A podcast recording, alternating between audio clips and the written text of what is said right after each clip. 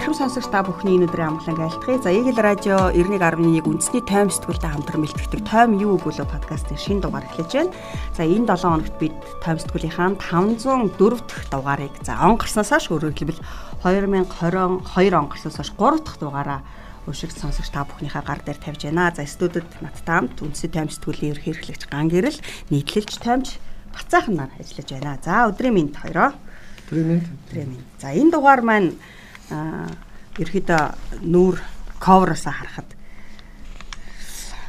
улсын их хурл Монгол улсыг олон нийтийн сүлжээ удирдаад байна уу эсвэл одоо магч парламентын засаглалтаа орон улсын хурл засгийн газар нь удирдаад байна уу гэдэг асуултанд хариулт хайсан юм ковер харагдана лээ. Өөрөөр хэлбэл сошиал дагсан төрийн хийрхлийн талаар онцлохоор бацаахан өрөө бичсэн байсан тий. Тэгээ бас дугаараа удирцсан. Тэгэхээр энд одоо гол нь юуг өгүүлэхийг зоригдсон бэ багийн. Энэ нийтлэлт болохоор энэ төрийн бодлого шийдвэр одоо маш эргэж буцаж байгаа. Аа. За энэс болоод бас хүндрэл үүсэж байгаа. Энэ асуудлыг хүндхийг хичээсэн юм аа. Аа. Тэгээ ер нь бол сүүлийн үед бол нэг төр үзэсгээс гарч байгаа энэ төрийн байгууллагуудаас гарч байгаа шийдвэр очир дутагдaltaй ч байна. А бас ерөнхийдөө алсан харсан тийм шийдвэрүүд ч бас гарч байна л та. Гэхдээ эдрийг болохоор энэ олон нийтийн сүлжээнд хүмүүс ингээд нэг шүүмжлээч ч юм уу нэг олныг хамраад ирэхээр нь л цуцалдаг нэг юм жишг бий болчихлоо. Зөв шийдвэр байсан ч гэсэн жоохон сошиалар шуугаад эхлэнгүүтэл айгаад болчдөг тий. Тий, одоо жишээлбэл энэ үн мөн э, тэглэгч байдаг юм уу тий? Аа.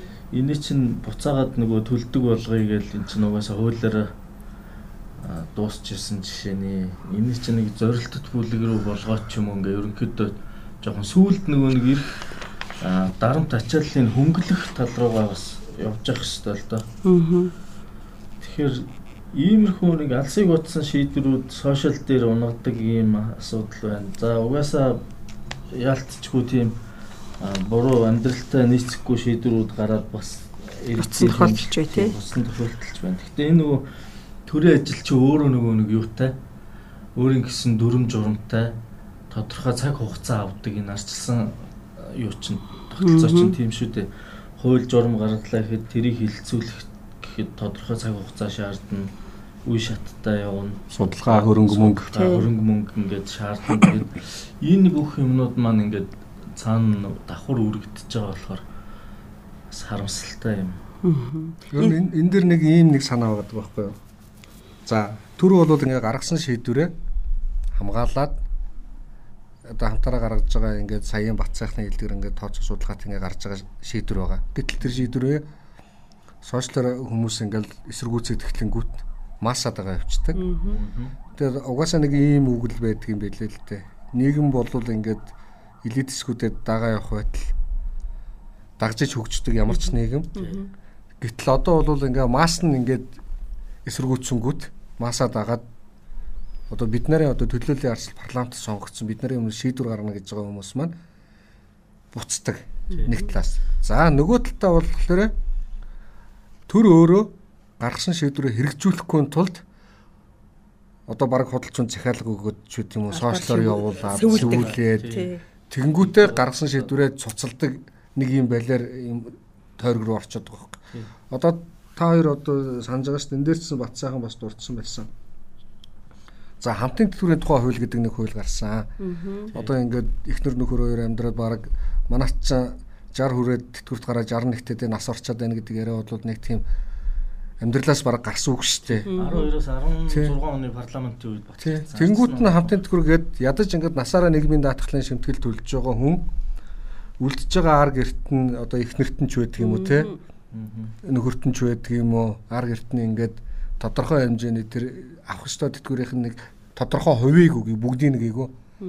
Энэ ч уг нэрийн данс гэдээ бид нарын мөнгө хадгалагдчих ёстой шүү дээ. Төлсөн юм бол буцааж авах гэж байгаа юм чинь. Гэтэл яах чинь гэхэлэр сошиалор ингээд баг сангийн сайдын өрөөний үүдэнд хөгжчүүлээд талигач нөхрийнхөө ч үт юм уу тэтгэврийг авмааргүй тэгэж буянда бузар хийхгүй энэ төр гэдэг юм ярьж хагаад тэрийг болохоор масс тим юм хүрч ийн гэдэг тайлбартаагаар тэр ерөөсөө шийдвэрээсээ буцаж байгаа байхгүй. Яг үнэ. Тэгэхээр тэр нь яг массыг төлөөлж чадах уу? Чадахгүй байхгүй. Тэгэд одоо ингээд сошиалар явж байгаа маш олон сэдвийг бодлол ингээд өрддөг хүмүүст нь улс төрчд өөрсдөө эхэлж гаргад тавиал сэдвүүд илгээл тэнгуут нь ард түмэн дээр нь талцаал талцаал муудалцаал за тэгэл тэр шийдвэрг өөрчилчихсэн. Гэтэл тэр нэг төрийн шийдвэр чинь өчнөө хөрөн мөнгө тооцоо судалгаа ингээд бас ингээд ажил төрөл ингэж яваал гарч байгаа шүү дээ. Тэгээ тэрийг нь тэгэл 2 3 хүн сэдв гаргаж ирж эсэргүүцүүлж байгаа л тэгэл буцаагаад боловлчдаг. Тэгээ энд бас нэг аюул байгаа нь болохоор энэ нөгөө сүргийн юу гэж байдаг юм байна л да. Хүн чинь угаасаа нөгөө юу н амтэн хүн чинь өөрөө амтын юм чинь. Дахиад жишээлбэл ингээл юм идэж хахад бусд нь ингээл идээд тахтал дахиад идээд нь зогсож чадахгүй. Тэгээ ийм дахиад будаа тоншиж байгаа юм шиг ийм оропотууд тавьчих тэр жинхэнэ дахиад дунд нь ингээ идээд идэх гэж байгаа байхгүй. Тэрэн шиг хүн ингээд манайх ингээд нөгөө нэг нэг нь ингээд ийм нэг санаа илэрхийлэхээр нөгөөтгөө ингэж дагаж ханардаг тийм Тэгэхээр энэ дээр байгаа хөсвөл нэг хүн Монголын одоо засгийн шийдвэрийг өөрчлөх засгийн газрын шийдвэрийг нэг хүн өөрчлүүлж болж байна гэж. Одоо жишээлбэл тэр нөгөө нэг юу гэж байгаа штэ. Хуурамч хаягнаас одоо асуудал дэвшүүлээд тэ эсэргүүцээд ингээ урайлаад одоо энийг ингээ болиулээч гэдэг юм уу. Ингэхдээ нөгөө нэг хүмүүс ингээ дагаал олон нийт ингээл ханах юм бол нөгөө нэг засгийн дардгаараа дагаал шийдвэрээ өөрчлөлөө гэхэд тэр нэг хүн ингээл зүгээр хуурамч хаягнаас Монгол улсын засгийн газрын шийдвэрийг ч юм уу тий засгийн газар өөр төрийн бус төрийн агентлагуудын шийдвэрүүдийг өөрчлөх юм боломж. Одоо тэр нөө юуг санаж байгаа үсттэй. Гадаадын хөрөнгө оруулалтын тухай хуулийг хөрөнгө оруулалтын тухай хуулийг тэгээд тэрийг одоо сошиалор бөмбөгдөөл сэвэл энэ хятадуудад ингээ газар өгөх нь мөх нь яг хуулийн агуулгын зөвч вэ бурууч вэ Тэр нь бол хоёрдугаар асуудал. Гэхдээ тэр хуулийг эсэргүүцсэн тийм асар хүчтэй юм сошиалор давлгаа явахад тэр хуулийг их хурл дөргөн байраад санаачлаа гарын үсгэж зурсан гişүүд нь буцаад хэлсэн шүү дээ. Би ийм юм хэлээгөө намайг хуурсан байна. Би миний зурсан төсөл биш гэдэг ч үт юм уу. Тэгэд бүр ийм байдал руу ороод байгаа байхгүй. Тэгэд ингээд сошиал дагсан энэ хэрхэл ихтэх юм бол сайн юм л хөрөхгүй баха нэг талаас ардчлал гэж байгаа боловч бас тийм хүмүүсээс ингэж айж сошиалаас айж ийн гэдэг маань энэ сошиалыг нөхдөө сонгогчд гэж хараад байна. Нэгдүгээрт а хоёрдугаарт энэ байгаа энэ одоо энэ байр суурь те улсын их хурлын гишүүн ч гэдэг юм уу энэ албан тушаал нь одоо маш тухтай одоо бүх амьдрал нь болцсон юм уу хайшин тэ үнэхээр одоо бүх орлогын их усүр болоо тэргүүл амьдрч чадахгүй юм шиг болцсон юм шиг тийм өхөн хатан одоо хүмүүс таалагдах гэж зүтгэж байгаа ийм байдал. Явж штэ тий. За энэ сэдвийг одоо сэтгүүлээс маань бас дэлгэрэнгүй олон кейсүүд дурдсан байна те төрийн шийдвэр одоо олон нийтээс сүлжээнд олон нийтийн гэхээсээ илүү зүгээр л нийгмийн сүлжээнд өрнсөн шийдвэрээс болж одоо шийдвэрөө өөрчил шүмжлээс болж шийдвэрөө өөрчилсөн кейсүүдийг хідэн төгрөг зарлагдсан тий. Хідэн төгрөг уруу шийдвэр гарлаа гэхэд дарга нь нөгөө нэг э, хинд шийдвэр гаргасан. Тэр уг нь даргын юугаар л шийдвэрүүд явдаг байлгүй тэгэл нэг хідэн нөхдүүд авчирж байгаа загнаал тий болиулаад тэгэл өөрөө цэвэрхэн үлддэг ч юм уу одоо тийм бүр мод дэлгэрж шүү дээ. Энийг одоо бодит кейсүүдтэй нэмдэрсэн байгаа. За дараагийн нийтлэл рүү оръё. За манай сэтгүүлч залуу сэтгүүлч Сарангоо усны асуудал хүндсэн. Усгүй бол яах вэ гэдгийг нэг төсөөлөд үзээрэй гэдгийг бас энэ дуу артсан байгаа. Олон жишээнүүдтэй байлаа. Манай цэвэр усны нөөц манайх гэлтгүү дэлхийд даяараа л тий. Дэлхийд даяараа багс. Гадрын нөөц. За гүний одоо гадрын нөөц усныхаа нөөцийг ерөн бараад цэвэр усны гүний усаа хангаж эхэлж байгаа шүү дээ тий. Манайх болохоор бүх юмаа гүний усаараа. Оросын Путин сая нөгөө олон нийттэй нэг уулздаг ээлжилт уулзсараа нэг ээлжилт улс улс төрийн хоригдлууд манад их байна яах вэ гэсэн чинь дэлхийд даяараа улс төр хоригдлууд ихсэж байна гэдэг хариулдаг. Тэр одоо бас айгүй модонд орж байгаа шиг.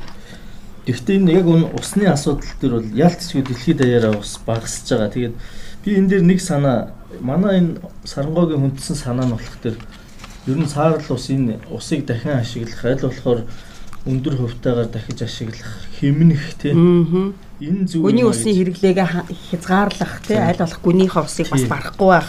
Тэгэхээр энэ дээр би нэг э, санаа хэлэх гэж байгаа. Юу гэхээр манайх одоо энэ саарл ус нөгөө ус цэвэршүүлэх үйлдвэр барьж байгаа. За энэгээр ядаж энэ цахилгаан станцынхаа усны хэрэглээг гүний ус байхаа болий те саарл ус болгоё гэж зорж байгаа юм билээ.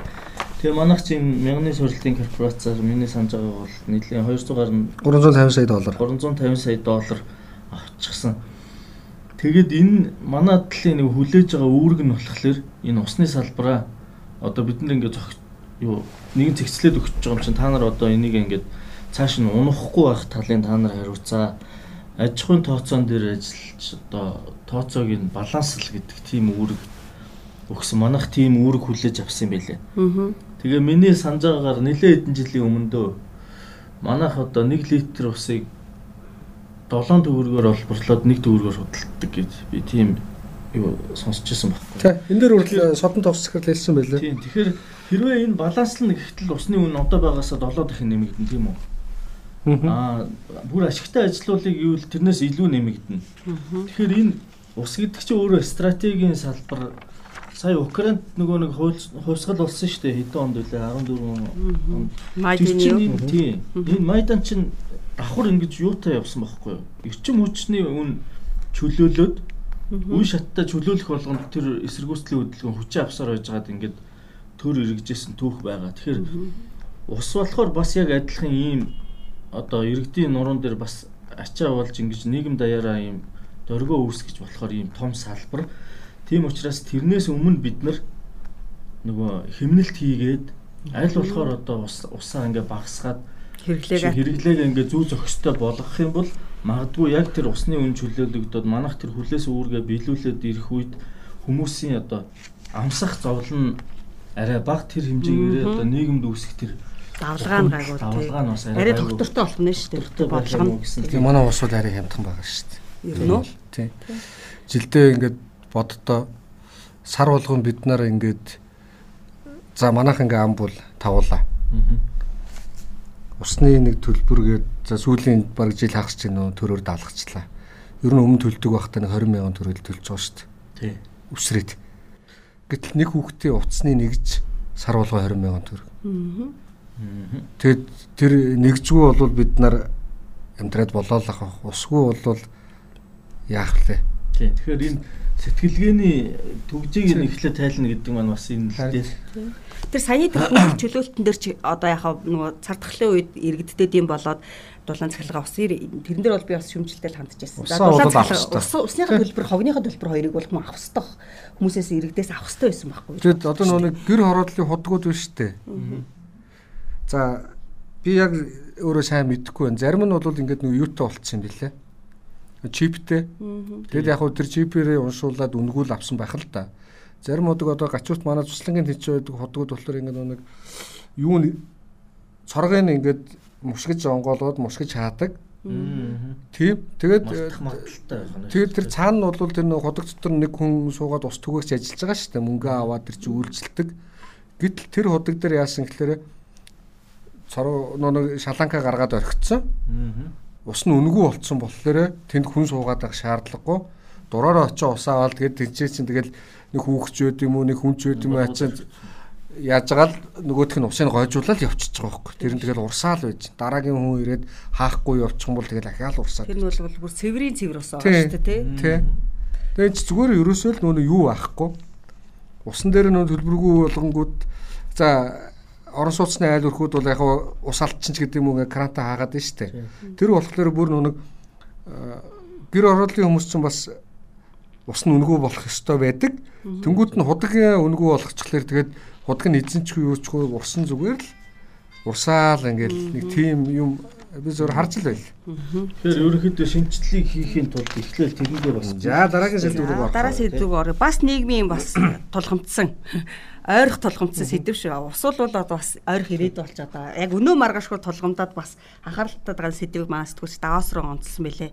Энэ пүрүснийхээ яндаг зараад байгаа юм уу монголчууд одоо бүр. Энэ аягүй сони юм байна. Манайх чи хамгийн олон машин бол одоо пүрүс байгаа шүү дээ. Тий. Одоо замын хөдөлгөөнд оролцож байгаа. Тэгээд пүрүс чи өөрөө юутай?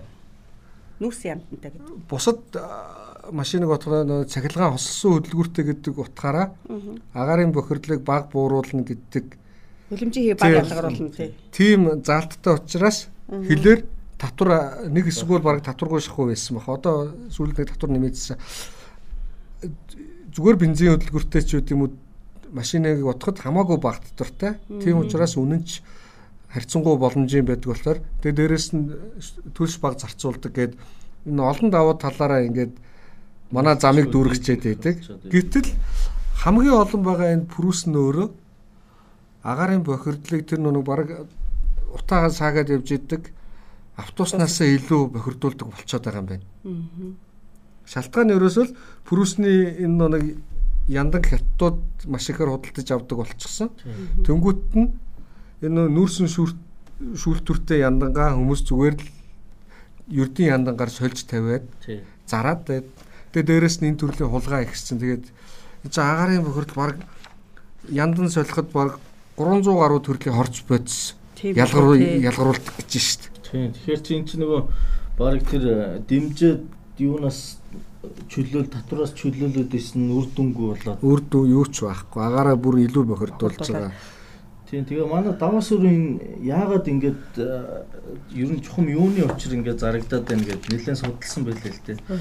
Сая би нэг хошигноод байсан шиг ер нь дэлхийд даяар даяар энэ яндынгийн улгаа явж байгаа юм.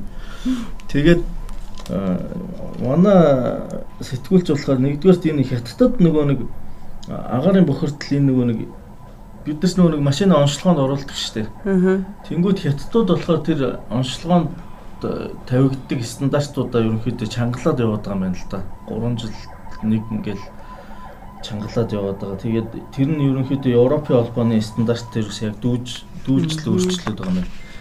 Тэгэхээр нөхдүүд нөгөө шинэ машины чинь 50 60 мянган доллараар хөдөлж авах уу эсвэл одоо нөгөө унж байгаа машинда юуг нь яндангийн солонгуудаа тэр стандартанд нэг нийцүүлээд нэг хийсэн унчих уу гэдэг байдалтай нэг ийм шалтгаан байна. Нөгөөх нь болохоор энэ тэр нүүрсэн янд нь тэр катализатор дотор нөгөө хорон гарч байгаа тийм нөгөө хорт юу гэж чинь хоронхон зургийн хугацаанд ингээд юу сармагжуулдаг тэр юун дотор чинь паллади, цагаан алт, роди гэдэг тийм гурван төрлийн элемент байт юм байна.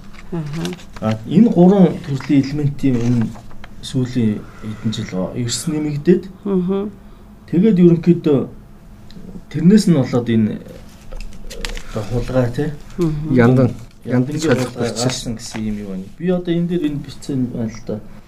Нэг ян катализаторт ерөнхийдөө дунджаар 7 г цагаан алт заяа. Тэгээд 2-оос 7 г паллади. Тэгээ 1-ээс 2 г роди гэж байгаа. Тэгэхэд энэ зөвхөн одоо родигийн за палладигийнх нь үнэн нь шүү дээ. Нэг унц нь 33 г нь 2000 доллар. За родиум гэдэг металлынх нь 1 г нь 392 доллар. Тэгэл. Тэгэхээр өнөө маргааш нэг хитэн төгрөг алтуул ойлгомж цагаан алтуул ойлгомжтой шүү дээ. Унц нь бараг 2000 доллар. Үнэ нь энэ давсрангийн даах хүрээ цахаар яваа сурвалжласнаар бол зарж байгаа үнэ 300 сая төгрөгөөс нэг 2 сая төгрөг л хүрдэг юм шүү дээ. Ер нь л 3-аас 500 сая төгрөг хүрдэг юм шүү дээ. Яндан биш, бэлэн яндан биш зүгээр тэр юуг нь металл нь агуулгаж байгаа металлынх нь үнэ л ерөнхийдөө 2000 доллар одоогийн ханшаар байгаад байгаа юм билээ. Аа. Тэгэхээр манайх бол ерөнхийдөө зарсан зарах юм бол маш алдагдaltaй. Дээрэс нь энэ ирээдүгэл харахгүй байна л да. Тэр нь үзэхэд хүртэл алдагдaltaй. Дээрэс нь энэ эрүүл мэндэд учруулж байгаа хөрслөө тооцох юм бол бүр маш алдагдaltaй юм болж байгаа. За дараагийн сэдвт орох гурлаа. Нийтлэлч Эрдэнэ чимэг энэ удаад манай хүн Улаанбаатарын хүмүүс гэж баг хэлж болохоор юм биш тийм булангтайх асуудал бид булангийн асуудал шатсан л да. Монголчууд Монголдо уучраа юусоо олдгүй учрыг хайсан байна. Тий. Тийм тэгээд дөрөв дөрвөн хүнтэй уулзсан. Тий дандаа Монголд ирээд буцаад явсан тий. Монголд гадаадд сурч ажиллаж амьдарч байгаад Монголдо ирээд сайхан амьдарчийгээд буцаж ирэнгүүтээ одоо зарим буцаад явсан, зарим нь буцаж явхаар төлөвлөж байгаа ийм дөрвөн хүний жишээ хэлсэн байлээ. Тэгээд одоо энэ од гэрлэгээ залуу бол эд хийж бүтээх насандаа ингээ хариу оронд ажиллаад явах Монголдо ирээд хийж бүтээгээд ирсэн чинь Монголд ирээд бүх ажил нь тэр нэг стандарт юм чаддаг нь хийх биш дарга таньдаг нь хийдэг болчоод мань хүн таньдаг хөнгө болчоод тэгээд буцахаар шийдэж байгаа юм шиг. За золзойгийн эмэгтэй бол ерөөсөө манад бол яг дэлхийн хэмжээний боловсрал авахын тулд ерөнхий боловсролын сургуульд хүүхдүүдэд явуулаад бол авахулж чадахгүй нэ. Гэтэл гадаад бол үнгүй авч байгаа тэр дэлхийн боловсролыг энд жилийн жилийн 30 сая төгрөгөөр авах хэмжээнд хүрсэн учраас одоо нэг төлбөртэй сургуулиуд байгаа шүү дээ. Тийм учраас тэрийг төлж чадахгүй учраас баг гадаад очиод хүүхдүүдэд боловсрол олгоё гэд явж байгаа юм байна. За энэ пагам дулам гээд эмхтэй энэ бас айгүй сонин юу л хэлсэн байлээ л дээ. Монгол дээрээ дуг нь гоё ажиллаа бас өөрөө ч бас мундаг боловсралтай л юм байна. Ирээд ажиллая гэд зүтгэсэн чинь Монголдо яг ингээд адилхан үед манайхаа ингээд том компаниуд юунууд ингээд гадныхныг илүү шүтцсэн. Цалин ах уу? Хангамж нь илүү. Хангамж илүү. Дээрээс нь нэгдүгээр тийм байна. Дээрээс нь гадаад төгссөн л гэхлээрээ тэр хүн одоо Монгол хүний ч юм л юм л да ингээд ажлын ямар ч туршлагагүй байхад нь албан тушаал одоо шат ахиулах зүйл дээр болохоор энэ гадаад төгссөн энэ гадаад хүн гэдэг байдлаар хандаад идэг. Яагаад Монгол хүн Монголдо За Монголдо боловсрол эзэмшсэн хүн илүү ажлын туршлагатай илүү сайн мөртлөө ерөөсөө нэг гадаад турш сурсан ч гэдэг юм уу эсвэл гадаад хүн гэдгийг доор орох ёстой юм бэ. Тийм учраас тэгээд зарчим гэдэг шиг компанид бас тэр мэрэж зарчим алдагдаад байна гэсэн үг шүү дээ. За энэ уугнаа гэд ууган баяр гэд юмхтэй болохоор Америк сурж байгаад ирсэн. Тэгээд энэ төгжрөл мөгжрөл гээл асуудлууд байна. Ер нь 4 5 жилийн өмнө яваад буцаад ирсэн. Монголд ер нь өөрчлөгдсөн юм юу ч чадлага улам л хүнд болсон учраас буцаад явъя гэж шийдсэн гинэ. Нар нөгөө түрүүчийн энэний оны өмнөх нэг сэтгүүл дээр нөгөө Монголоос цугдах мянган шалтгаан гэж бас хийжсэн те. Тэгээ шалтгааны маань үргэлжлээд баг тэнд тоочгдсон бүхэл одоо Монголд байдаг проблемууд бас энд дүрдэгцэн байна. За дараагийн сэдв бас л нэг нийгмийн толгомцсон асуудал завсарцсан үеийнхэн гээд энэ цар тахлын 2 жил гарууны энэ хөл хорой захим хичээлээс олоод бүтэн одоо бас л нөгөө багитай адилхан дэлхийд даяар гэдэг шиг дэлхийд даяараа нэгэн үе боловсрал мэдлэгийн хувьд те мүжил төлөвшөл сэтгэл зүй зан чанарын хувьд гээгдэж байна л да. Тэгэхээр энэ боловсролын хүрээлэнгээс өнгөрсөн оны одоо тий оны өмнө гэсэн үг шүү 10-аас 12 дугаар сард хийсэн сургууль завсардаж болцшгүй хүүхдийн судалгаа хийсэн юм байна л да. Тэгэхээр энэ судалгаанд ерөнхийдөө бол сая одоо дөнгөж 20 21-ээс 22 оны энэ жил гэсэн үг шүү дээ. Та цав дахь одоо 3 дахь жилд энэ хичээлийн жилд 1931 хүүхэд хүүхэд одоо сургуулаас завсардах эрсдэлтэй тогтоогдсон. Тэр өмнөх жилүүдэд бас завсардсан байгаа шүү дээ. Эрсдэлтэйгээс гадна бүр яг одоо нөгөө хөл өрөө э, эхлээд ингээд карантин эхэлснээс хойш байжгаад сая ороход яг буцаж сургуультай ороогүй хүүхдийн тоо бас энд 1700 хүүхдтэй гэдэг эцтэй. Багш буцаад нэг сургуультайгаа холбоо бариагүй. Тий. Ихэвчлэн эрэхтэй 71% нь эрэхтэй гэдэг байгаа шүү дээ тэр хүүхдүүдээ. Тэгэхээр энэ баг тоо биш шүү дээ тийм ээ. Тэгээд энэ боловсрол шинжилх ухааны сайд инх амгалан бас хэлсэн байлаа шүү дээ. Цахим сургалт тэлээ хичээлд бол 178 мянган хүүхэд хамрагдах боломж хамрагдах боломжгүй байдалд хүрсэн гэх. Интернетгүй гэхдээ тий сүлжээгүй. За тэгээд нөгөө цахим хичээл хийх компьютер юу гэдгийг тийм тоногдох хөрөмж байхгүй. Тийм нөхцөлд байгаа тий. За. Бүтэн нэг үе танхимын сургалтыг зогсоосноор ямар хэмжээний хохирол учирч байгаа нь бол нөгөө фэйсбүүкээр бас юу шоколад яваад байсан шүү дээ. Эвлээ ирээдүйн эмч нар ирээдүйн э, инженерүүдэд итгэж болохгүй дээ. 2 жил захимаар сурж байгаа улсууд ч тийм надулчин гэдэг. За дараагийн сэдв хонгор зул гээгцэн эрхэм чанар гэж. Энэ хүн хүнээ хүндлэх зүйл Монголд өгүүлэгдсэн тухай Тэг. Яг энэ гол санаа нь бол ийм л юм байлээ л дээ. Манай монголчууд ч бас нөгөө мэдлэх хүндлэх ёс сайтай ард түмэн шүү дээ. Энийг бас их хүндэлдэг. Гэхдээ тэгсэн мөртлөө манад ингээ алдагдаад байна. Баруунд болохоор яг тийм амар актер мэдлэх хүндлэх ёсрохыг тийм юм байхгүй мөртлөөсөө ингээд нэг атайхан яваад ээж болоод байна гэд. Тэгсэн чи энийг гаргалааг нь юун дээр хийж яах гэхээр манай тэр хүндлэх мэдлэх ёс чинь юу юм бэ? Нэг ялгамжин дээр ихвчлэн үндсэлсэн байдаг юм байна л да. Жишээлбэл Ахмад настай юм энэ одоо мундаг хүн юм те хийж бүтээсэн юмтай юм гэдэг юм уу те ийм юм ингээд хүндлэх шалтгаан болдог за бас тэгэл энэ одоо миний хажууд юу гэж гэдэг юм уу гэдэг ингээд энэ сөрөг таагүй юу үүсэх шалтгаан болд юм байна. Гадны одоо тэр хүндэлж байгаа тэр агуулга нь болохоор ерөөсөө л хүн гэдэг утгаар нь. хүнийг хүнийх нь хувьд тий тэр хүний албан тушаал нас хүүс ямар ч хамаагүй тий. Тийм тэгэхээр чи нөгөө нэг тэр хүмүүс чинь бүгд нэг зиндаанд ингээд очиж байна.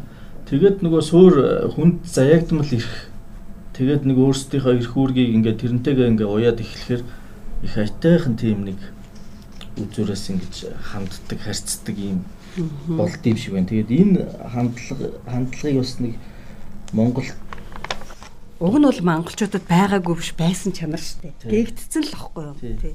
За дараагийн сэдв бацаахан маань спортын буланд энэ их сонирхолтой түүх байлээ тий. Нацистуудтай нийлж эх орон нэгтнүүдэд зандалчилсан түүх гэдэг. Францын хөлбөмбөгч байсан тий. Францын хөлбөмбөгчин Францын хөлбөмбөгийн шигшээ багийн ахлагч байсан нэг нөхөр ер нь тийм болж үтэхгүй нөхөр байсан юм шиг байна. Тэгээд гимти бүлэглүүдтэй хамтарч ажилтдаг тохирсон тоглолт моголт хийсэн хэрэгээр бас юу яжсэн. Тэгээ энэ дэлхийн 2 дугаар дан эхэлсний дараа маань хүн нөгөө нацистын германч эзэлсэн Францыг эзэлсэн нэг хэсэг хугацаанд тэр үед л гимт хэргийн бүлэглэлүүдийг одоо талдаа татсан тийм бодлого явуулсан юм шиг байна германчууд. Тэгээ тэрнийх нь хүрээнд маань нөхөр тэр бүтцэд нь ороод тэгээд одоо эх орон нэгтнүүдээ тэр Францын үндсэрхэг үзэлтнүүдийг э, одоо мөшигдөг тий барьж авдаг, байцаадаг. За тэгээд тэндээсээ бас ашиг хэмжээ олдог байсан. Ийм нөхөрийн тухай. Аа. Дуг нь хөл бөмбөгчний хувьд бол дажгүй амжилттай нөхөр байсан уу? Чигшөө багийнхаа ахлагч гişээр тэр чинь л бас эглгүүл амтан байж тухай. Олимпийн 30 онд ургууд болсон хөл бөмбөгийн дэлхийн аврагт Францын шгшээ багийн ахлагчаар оролцож байсан.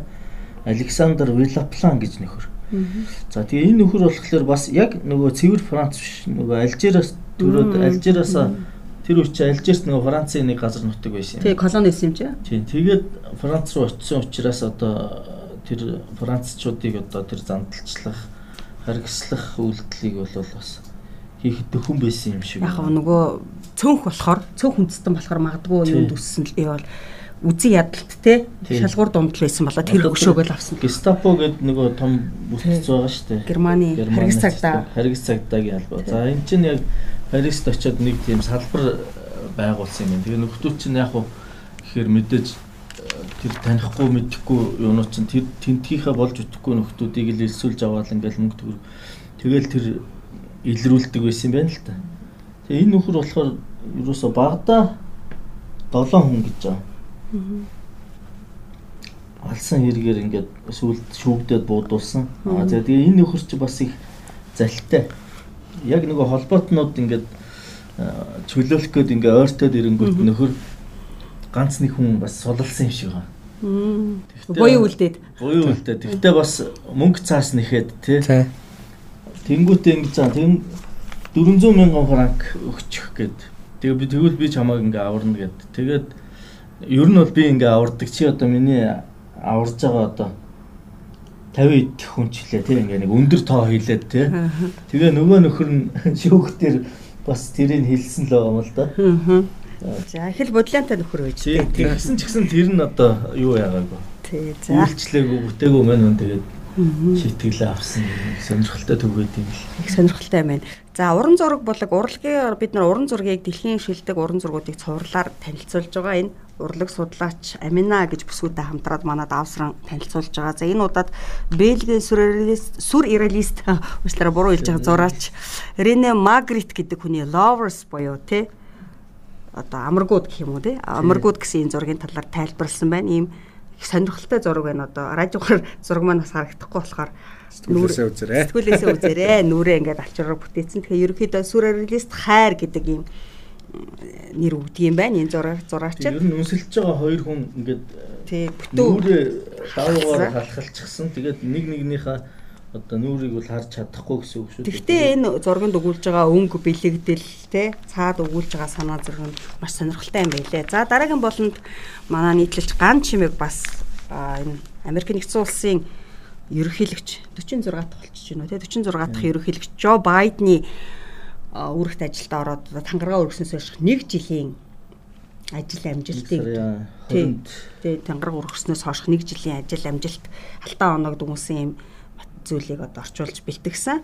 Тэгэхээр Байден бол нэг жилийн өмнө ажиллаа авч явахдаа ерөөсөө дэлхийн тэргүүлэх гүрний өмнө тулгуурч байгаа дөрвөн гол бэрхшээлийг тодорхойлсон. Энэ нэгдүгürt цар тахал, за тэгээ уур амьсгалын өөрчлөлт, за эдийн засгийн хямрал, зарьсангөр ялгуурлан газуурхах үзэл гэж тодорхойлж ирсэн. Гэхдээ яг нэг шинжээчдийн тодорхойлж байгаа Байден тав дахь юмыг орхигдуулсан. Энэ нь бол улам бүр үндэснийг нь хувааж мэдэг ардчлал те ардчлалын эмзэг байдал гэдгийг хасан. За тэгээ энийг Байден нэг жилийн хугацаанд яаж одоо даван туулж чадчихна. Үжээс энэ дөрвөн гол бэрхшээл одоо тав дахь ардчлалаар нэлээд тав дахь зүйлээ яаж эмхэлж чадчихна гэдгийг дүнсэн байлаа. Ер нь бол үр дүн жоохон тийм л гарч байгаа юм байл. Таарах нь гарч байгаа. За цар тахал бол одоо ойлгомжтой. Ганцхан Байден ч дэлхийд даяараас хурж байгаа зүйлүүд хамгийн бүтлгүүтэх магадaltaй зүйл нь уур амьсгалын өөрчлөлтөөс зэрэг төлөвлөгөө болчиход байгаа юм л шүү дээ. Миний хувьд бол ер нь. Тийм энэ уур амьсгалын эсрэг өөрчлөлтийг яг айгүй маргаантай сэдв нэг хэсэг нь болохоор ингээд яалтчгүй дэлхийн ингээд уур амьсгалын өөрчлөлт ороод ингээд дулаараад байна энэ төрөйг зарим хэсэг нь болохоор энэ ерөнхийдөө тогтоон барих механизм гэж үздэг байхгүй бас. Юу гэхээр энэ өндөр өртөгтэй энэ тогтолцоороо ингэж улс орнууд нэг дөнгөж одоо хуримтлал үүсгэж эхэлж байгаа энэ хөгжиж байгаа орнуудыг хөөргөж байгаа дийшгээ оруулах төр нөгөө нөхдүүд чинь сэргээгдэх хэрчм учраас айгүй их мөнгө хийчдэг. За тэгээд нөгөө эдийн засгийн хөгжил рүүгээ нөгөө хийх мөнгнөөсөө тэр чинь тийшээ хийж байгаа учраас удаашрдаг. Ер нь улс орны хөгжлийг удаашруулахыг гэвэл ер нь эрчим хүчнийхэн салбарыг л ерөнхийдөө жоохон хүчгүүдүүлчих болдгийг ийм учиртай байна. Энэ жилийн одоо энэ жил болох нөө завсрын сонгуул гэж байдаг шүү дээ. Америк нэгдсэн улсын сенат юуг нөхөх те конгрессийг нөхөх завсрын сонгуулаар хэрвээ конгрессийн танхимд нь бүх наримчууд олгох болвол тэгээ цагуурын өөрчлөлтөд тэмцэх Байдны төлөвлөгөө бол бодоо олох нь гацхан тодорхой гэсэн тодорхой болчихж байгаа. Ер нь энэ Байден биш үү? Юу вэ? Нөгөө ингээл сонгуулийн үеэр чи ингээл нөгөө Трамп ч нугасаа бодлогоо гаргаад явж байсан. Тэнгүүт энэ нөхөр чинь тэрний эсрэгийн юмд ингээл гаргаад явна штэ. Тэгээд сонгуульд ялсан. А тэгээд ялаад их ирч хүчтэй нөгөө нэг хідэн зарлагт гарын үсэг зурдаг үлээ ингээл Парисын юунд ингээл нэгс нэгдлээ гээл ингээл явсан боловч сүүлдээ ингээд э, тэр юунууд нь ингээд буцаа Трампынхаар ерөнхийдөө болж байгаа байхгүй. Тэгээ нэг нөгөө Трампын фон дээр байж болохгүй учраас нэг ингээд жоохон жоохон ингээд нэг юу гэдгийг зайлсхийх маягтай тэгсэн мөртлөө тэр яалтчгүй нэг улсын нэг хар хайрцагтай нэг улсын юм чинь тийм ээ. Ингээд явж байгаа нөгөө ярьж байгаа юмнууд маань эхнээсээ яг эдийн засаг дээр бол бас эрэлт яасан юм бэлээ. Сүүлийн үйлрэл эдийн засгийн өсөлтөд 7% төрөгсөн. За тэгээд түүнийг ажлаа хүлээж авах 6.3% та байсан ажилгүйдлийн түвшин 3.9% болж буурсан. Гэхдээ нөгөө талаас хөдөлмөрийн зах зээл дээр 3.6 сая ажлын байр дутагдaltaй байгаа. Тийм энэ ч нэг яг нөгөө эдийн засгийн руугаа мөнгө оруулж яана л та. Тийм Тэгээд ингээ мөнгө оруулах чи өөрөө бас хоёр талтай шүү дээ. Тэгээд нөгөө Трампын бодлого чи ялгаагүй адилхан. Гэхдээ яг их багын л асуудал байгаа шүү дээ. Тэгэхээр энэ нөхөр бол нөгөө цаг уурын уур амьсгалын өөрчлөлт гэдэг юм руугаа орсноороо бол илүү үрлэгэн байгаа нь бол тодорхой. А тэрнийхэн төлөөс нь тэртээ тэргүй одоо ханшийн зүрхнээс ч юм уу юунаас ч ингээд Америкчууд буцаагаад төлнө Тэр бол тодорхой. За арсны үзэл бас бас хэцүү болж байгаа юм байна. За тэгээд нөгөө оны том сэтгүүлд багаас хүнддэжсэн те энэ жилд Америкийн нэгдсэн улсын ардчлалт нэлээд аюул учирнаа гэдэг энэ сэдв бас нэлээд томор тавьдж байгаа юм лээ. Тий. Одоо энэ ардчлалсан сонгуулийн тогтолцоо маань ерөнхийдөө буруу болох. Сая энэ энэ сэтгүүлийн гол материалтай энэ бас холбоотой шүү дээ. Ялцчгүй ингээд ядуусууд нь олонх болоод ирэхээр нөгөө поп юм ярьсан хүмүүс нь ингээд санал аваад жоохон алсыг хараад ингээд ярьдаг хүний хүн чинь ингээд одоо эрдэмтэн судлаач хүн байлаа гэж бодоход яг сонгуул дээр ирэхээр нэг хүний л одоо саналтай тэнцэж байгаа байхгүй. Тэгэхээр энэ маань ингээд сүүлдээ нөгөө нэг шийдвэр гаргах дээд түвшин тэр их хурл парламентод нөгөө поп арт түмний одоо олонхын нэг болсон нөхдүүд ихээр сонгогдоод Тэгээ яг нөгөө нэг үн цэнийг бий болгодог тэр алсыг хардаг элитүүд нь ингээд гудамжин чахагдж байгаа. Энэ юу чинь бас Америкт бас явж байгаа юм болоо бас сулгамцсан асуудал болж байгаа юм болоо гэдэг. Болж байгаа юм болоо тийм. За үндсний тайм сэтгүүлийн маань одоо онцлог нийтлэлүүд нэг юм байна. За уламжлал ясаараа тайм сэтгүүлд маань матар хэмээх болон байдаг. За матар болон интернет хэлэх зөвлөгөө гэдэг юм плечэн орсон байна. За 7 хоногийн онцлог ишлэлүүд, 7 хоногийн онцлог Монголын амьдралд өрнөсөн болон дэлхийд дахинд өрнөсөн үйл явдлын онцлог агшин гэрэл зургууд бас багтсан байгаа. Ингээд үндэсний таймсдгуулийн 504 дахь дугаарт багтсан онцлог материал нийтлэл сурвалжлагнуудаас танилцуулахад юм байна. За эх 7 хоногт бид 505 дахь дугаараа та бүхэнд өргөн барихаар ажиллаж байна. За ингээд сар шинээр уулзалтахгүй таарах нь баг. Тэгжл таах бах та. За ингээд ямар бараг жил гарах гэж байгаа вүлээ. Буюу Оо буюу үлдэж гисэн. Нэг сайхан нэртэй жил гарах гэж байгаа байлаа ингээд сар шиндээ сайхан шинлээрээ бар жилийн дугаараар эрг уулзъя. Баяр та. Баяр та.